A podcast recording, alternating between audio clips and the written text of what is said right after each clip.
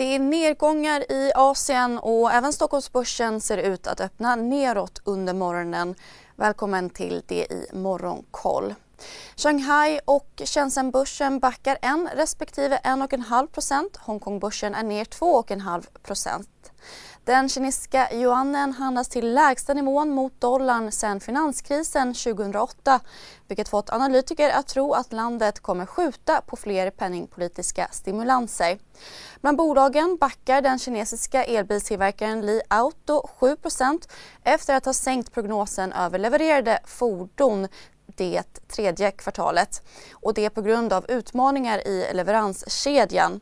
Volvo Cars systerbolag Geely Automobile backar 6% I Japan backar Tokyobörsen 2% Japans centralbanksledamöter är enade om ett försiktigt marknadssentiment där oron för en global avmattning ökat.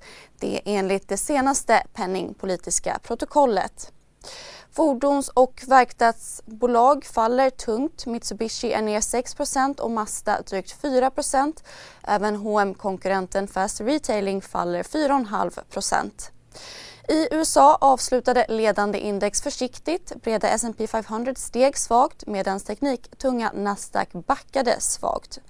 Dollarn är uppe på rekordnivåer och den amerikanska tioårsräntan noteras i strax under 4 men bolagen meddelade techjätten Apple att de slopar planer på att öka iPhone-produktionen på grund av en fallande efterfrågan. Aktien steg en halv procent.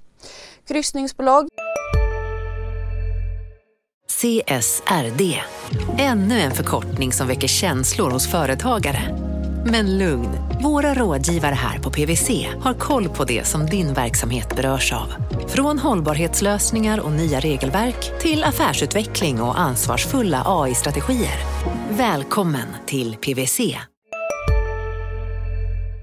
gick starkt. Även elbilstillverkaren Tesla lyfte 2,5% och riskkapitalbolaget Apollo Global Fotboll uppges överväga ett bud på transport och logistikbolaget Ryder System. Det rapporterar Bloomberg med hänvisning till anonyma källor. Ryder System rusade 14,5 procent. USAs utrikesminister Antony Blinken lovar amerikanskt stöd med anledning av gasläckaget i Östersjön. Igår meddelade Magdalena Andersson att gasläckorna på Nord Stream 1 och 2 rör sig om ett sabotage, vilket även Danmarks statsminister bekräftat. Vidare påpekade Andersson att det inte rör sig om ett angrepp mot länderna då läckagen ligger utanför svenskt och danskt territorium. Ryska Gazprom har varnat för att gasexporten kan stoppas genom Ukraina. Och ryska ledare har deklarerat seger i en serie av så kallade folkomröstningar i Ukrainas ryskockuperade regioner. Skenomröstningarna har fördömts av FN och västvärlden.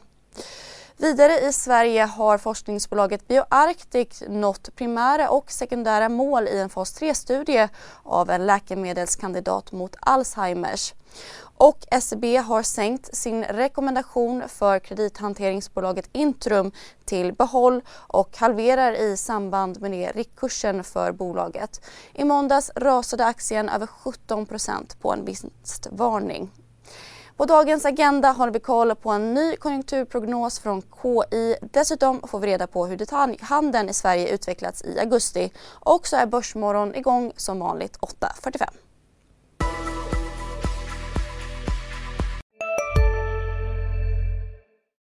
Hej, Synoptik här. Så här års är det extra viktigt att du skyddar dina ögon mot solens skadliga strålar. Därför får du just nu 50% på ett par solglasögon i din styrka när du köper glasögon hos oss på Synoptik. Boka tid och läs mer på synoptik.se. Välkommen! CSRD, ännu en förkortning som väcker känslor hos företagare. Men lugn, våra rådgivare här på PWC har koll på det som din verksamhet berörs av. Från hållbarhetslösningar och nya regelverk till affärsutveckling och ansvarsfulla AI-strategier. Välkommen till PWC.